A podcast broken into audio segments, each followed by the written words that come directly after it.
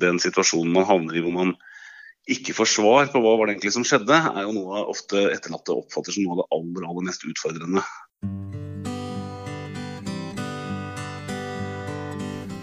Hei og velkommen til en ny episode av Selvmordspodden. Poenget med denne podkasten er at ikke én til skal velge selvmord. I dag er du her med Anne Gillibrekke Og Kine Reinertsen. Vi har valgt å ha hovedfokus på unge menn som er usynlig deprimerte. Og det vil jo si at det er ingen som vet at de sliter med vonde tanker, og at de ikke klarer å snakke om det til noen. Vi fokuserer på historier, og du møter mange forskjellige mennesker her i podkasten som har tanker rundt temaet selvmord. I dagens episode skal vi møte Fredrik A. Valby. Han er spesialist i klinisk voksenpsykologi, og han er også forsker ved Nasjonalt senter for selvmordsforskning og forebygging. I tillegg er han leder av et nasjonalt kartleggingssystem for selvmord i psykisk helsevern og tverrfaglig spesialisert behandling. Han har over ti års erfaring fra akuttpsykiatrisk avdeling samt psykiatrisk legevakt. Han har også vært sentral i utarbeidelsen av nasjonale retningslinjer for forebygging av selvmord i psykisk helsevern. Men dette som vi, Nå hadde vi han eh, Martin Rafoss, som er fagrådgiver på Sørland sykehus i forrige uke. Og han snakka litt om noe som han, som han, kalte for erfaringskonsulenter. Jeg vet ikke om du har hørt om det? Et sånt prosjekt som heter Exin. Hvor du ja. kan kanskje tenke at du utvider litt av staben med mennesker som har egenerfaring på en del ting. Tenker du at det kan være også en ting uh, som kan være aktuelt i framtida? Å bruke at det er faktisk en ressurs eller en kompetanse, det å ha vært gjennom disse tingene og, og kan hjelpe folk i en akutt krise? Eh, absolutt. Og det, jo, det, har jo vært en voldsom økning i erfaringskonsulenter i psykisk helsevern nå over mange år. Har det, ja? Ja da. Eh, så, så, det er jo noe som mange er i gang med, og, og mange sier de har gode erfaringer med. Samtidig så tenker jeg at det er eh, eh mennesker som sliter med selvmordstanker, står i fare for å ta sitt eget liv eller er døde i selvmord, mm. er jo også veldig forskjellige. Ja.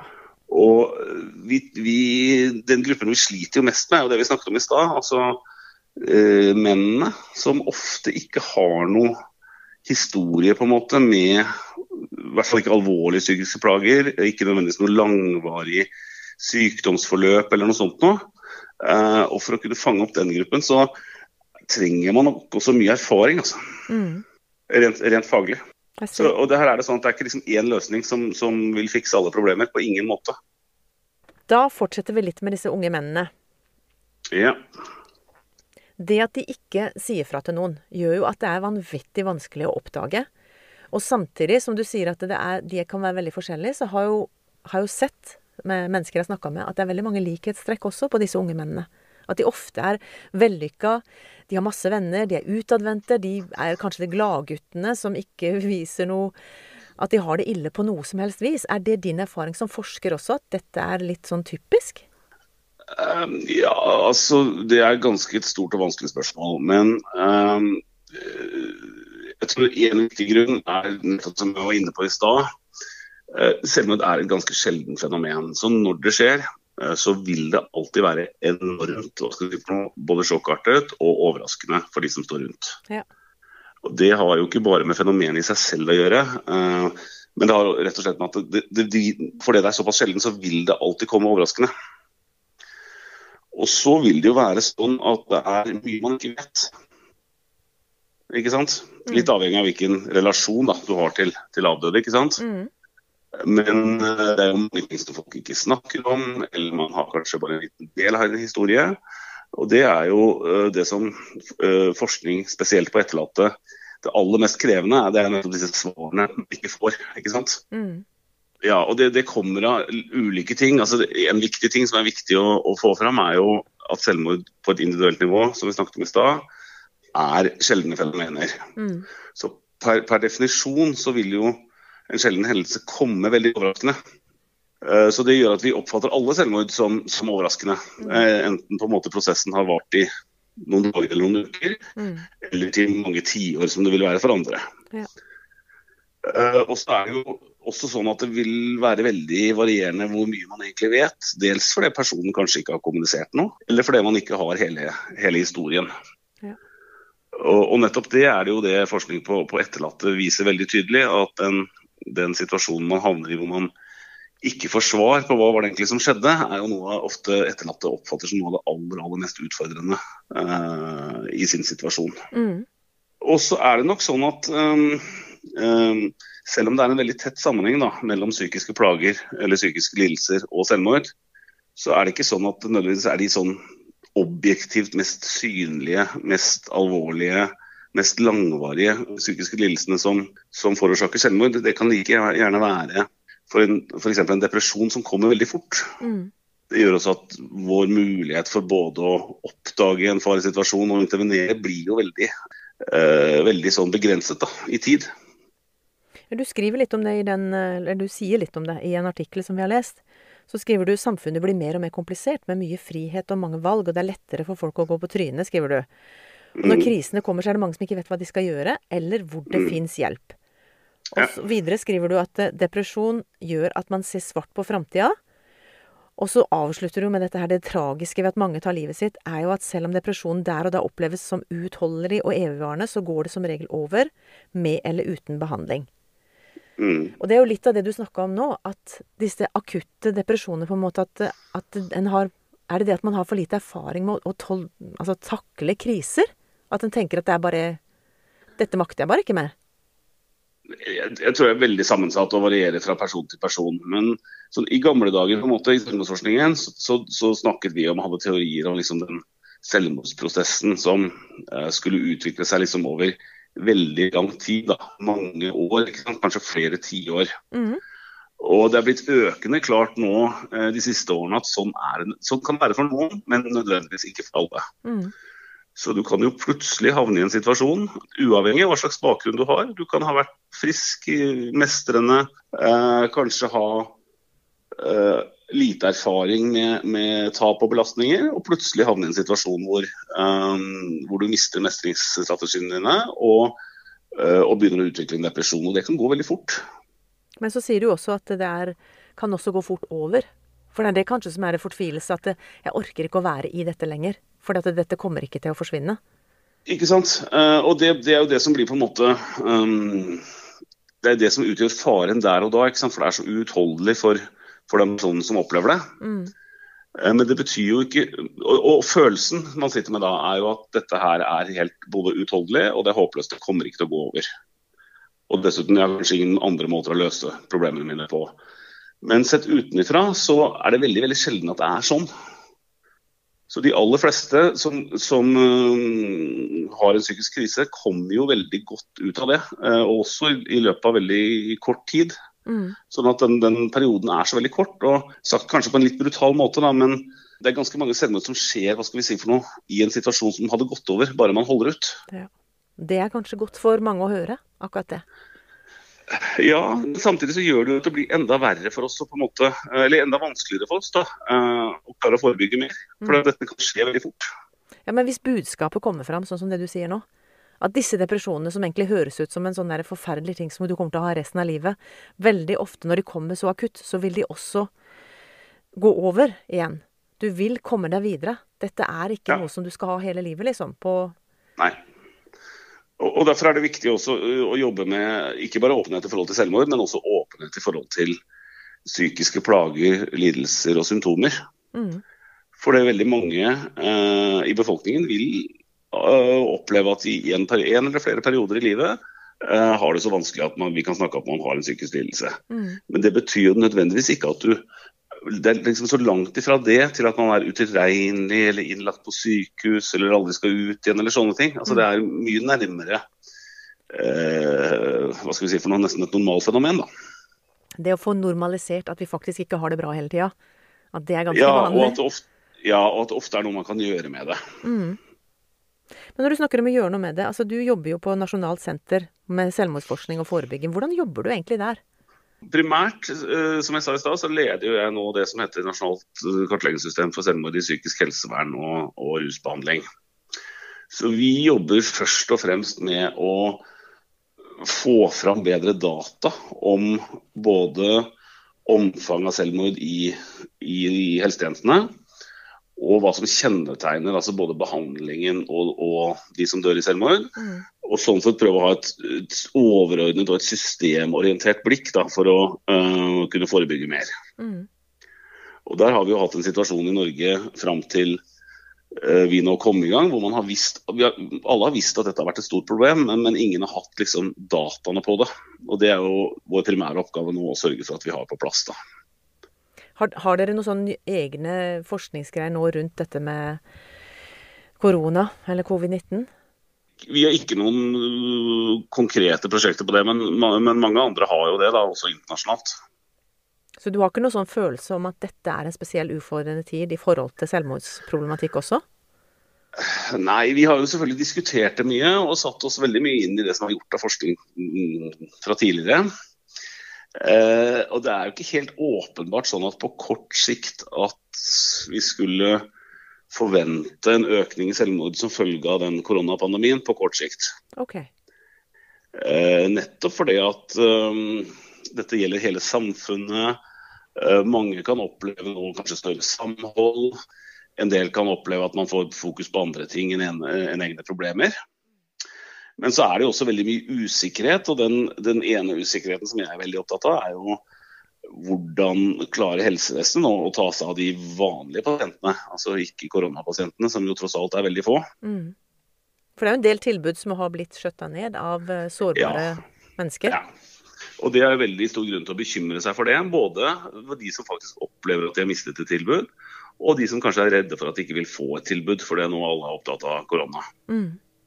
Så det er jo en viktig ting på kort sikt. At, uh, og jeg tror dette har så langt jeg vet, så har de ulike helsetjenestene i Norge uh, det, har vært veldig variabelt hvordan man har klart å håndtere dette. Mm. Det er viktig nå å komme seg tilbake til en normaltilstand så fort som mulig. Det er vi enig i. Og så er det Den store jokeren da, er jo hva slags langtidskonsekvenser uh, får denne pandemien. Det er jo kanskje ingen som kan si nå. Og akkurat nå når vi snakker, så går det vel ganske bra i Norge. ikke sant? De fleste er vel litt sånn overrasket over uh, at det tilsynelatende kan se om dette i hvert fall som første runde liksom har blåst over. Mens langtidskonsekvensene, hva dette vil føre til i, forstyrrelser i altså utdanningsforløp, i samfunnsøkonomien, arbeidsledighet, alle mulige sånne ting, er jo veldig usikkert foreløpig. Og det er jo noe man også kan bekymre seg for, absolutt. At kan være med på å øke selvmordsratene. Men, men igjen, dette er veldig tidlig å si. Det er jo det. Nå har vi spurt deg om mange spørsmål, både noen som ble tilsendt og en god del utenom det. Men helt til slutt, eh, har du noen råd, helt konkret etter å ha jobba 20 år med selvmordsforskning, til å gi til mennesker som sliter med selvmordstanker, og de også rundt de? Til de som sliter med selvmordstanker, eh, så er jo ikke det noe man skal gå alene med. Uh, og særlig ikke når de på en måte dukker opp. Da er det noe med å skaffe seg hjelp til å finne ut hvorfor har jeg de tankene, og hva kan gjøres med det. Uh, noen få pasienter har jo det vi kaller for mer sånn kronisk selvmordsproblematikk. Mm. Uh, det er et helt annet tema, og de skal jo være i behandling på en måte og jobbe med dette. Men jeg er opptatt av at alle skal få en mulighet til og drøfte dette med noen andre. Og det kan jo være altså Alvorlighetsgraden er så forskjellig, og folk er så forskjellige. Men det kan jo være alt fra en nær venn eller et familiemedlem. Eh, men jeg tenker også at terskelen for profesjonell hjelp, først og fremst som fastlege, skal være veldig lav. altså. Ja. Men bør vi inn i skoler og sånn på et tidligere tidspunkt? Du snakka litt om det i stad. Sånn, å komme inn litt tidligere? Ja, altså det er jo i hvert fall å jobbe med psykisk helse er jo god grunn for å komme inn litt tidligere. Og nå er Det jo, det har vært ulike forsøk på det gjennom mange mange år. Noen har vært, eh, ikke vært vellykkede i det hele tatt. Men i de siste årene nå så har vi jo fått mye bedre forskning som viser at det kan være nyttig både for å øke liksom, psykiske mestringsevnen, men også for å begrense selvmordsatferd. Eller, eller redusere selvmordsatferd med noen sånne ganske enkle skoleprogrammer og Det er jo noe som vi håper vil komme inn eh, også i, norsk, i norske samfunn. Eh, F.eks. nå får vi en ny handlingsplan til høsten, og vi håper at det kommer inn der. da. Så bra. Eh, og det er jo sånn at Selv om jeg har snakket mye om spesialisthelsetjeneste og helsevesenet, så er det jo ikke bare der vi kan gjøre forebygging. Det er veldig viktig. altså Vi er nødt til å gjøre forebygging rettet mot selvmordsproblematikk på alle nivåer i samfunnet. Ja. Så, men Helsevesenet er viktig, men det er f.eks. skole osv. Det er viktig å ha intervensjoner som kan treffe litt forskjellige folk. Ja. Og som også treffer disse mennene som vi snakket om i stad. Og det er en stor utfordring. Um, når det gjelder det i forhold til de som står uh, i forhold til pårørende, så er det, tenker jeg det er veldig viktig å, også for dem å søke uh, råd og støtte. Uh, helsepersonell er forpliktet til å gi informasjon og forholde seg til pårørende. Det er viktig å huske på. Mm. Eh, og så er det jo også noe med å liksom se etter se etter brå endringer da, hos de man har rundt seg. Hva, hva slags type endringer er det som er typisk? Sånn? Ja, særlig å miste humøret, på en måte. Da tenker jeg ikke på at man er lei seg eller oppgitt over at noe negativt skjer, eller noe sånt, men sånn vedvarende endring i humøret er jo et tegn som man skal være, oppmerksomhet, og, og, skal være oppmerksom på og ta på alvor. Ja. Og også mer sånne andre altså Det å forandre seg hos litt voksne særlig, da, altså etter, ja, etter du er godt voksen, for å si det sånn, så skal vi jo ikke forandre oss så kjempemye uh, uten at vi har en god grunn for det. Nei. Så må være litt ekstra obs, og kanskje tørre å spørre, for det var jo en ting at uh, det er ikke så veldig farlig å spørre. Det er kanskje Nei, en god ikke. ting å spørre. Går du rundt ja, og tenker på selvmord liksom som en Både det helt sånn eksplisitt og direkte, men, men også hvordan har du det, på en måte. Ja. Og særlig hvis man ser da liksom at en man ellers kjenner, um, virker som å endre litt personlighet, blir mer og mer trist, tilbaketrukket, Mm. uh, mister interesse f.eks., Ja. så, så er jo det sånn typiske tegn som, som vi som er profesjonelle spør og undersøker og, og, og kartlegger, men som også, man også kan forsøke å være oppmerksom på som, som pårørende. Ja. Men dette, nå har vi lært masse av det. Altså, det var veldig veldig bra å få lov til å eh, få noen minutter av din tid til å få litt eh, innsikt på hva du har vært igjennom i disse 20 årene av eh, kunnskap og forskning.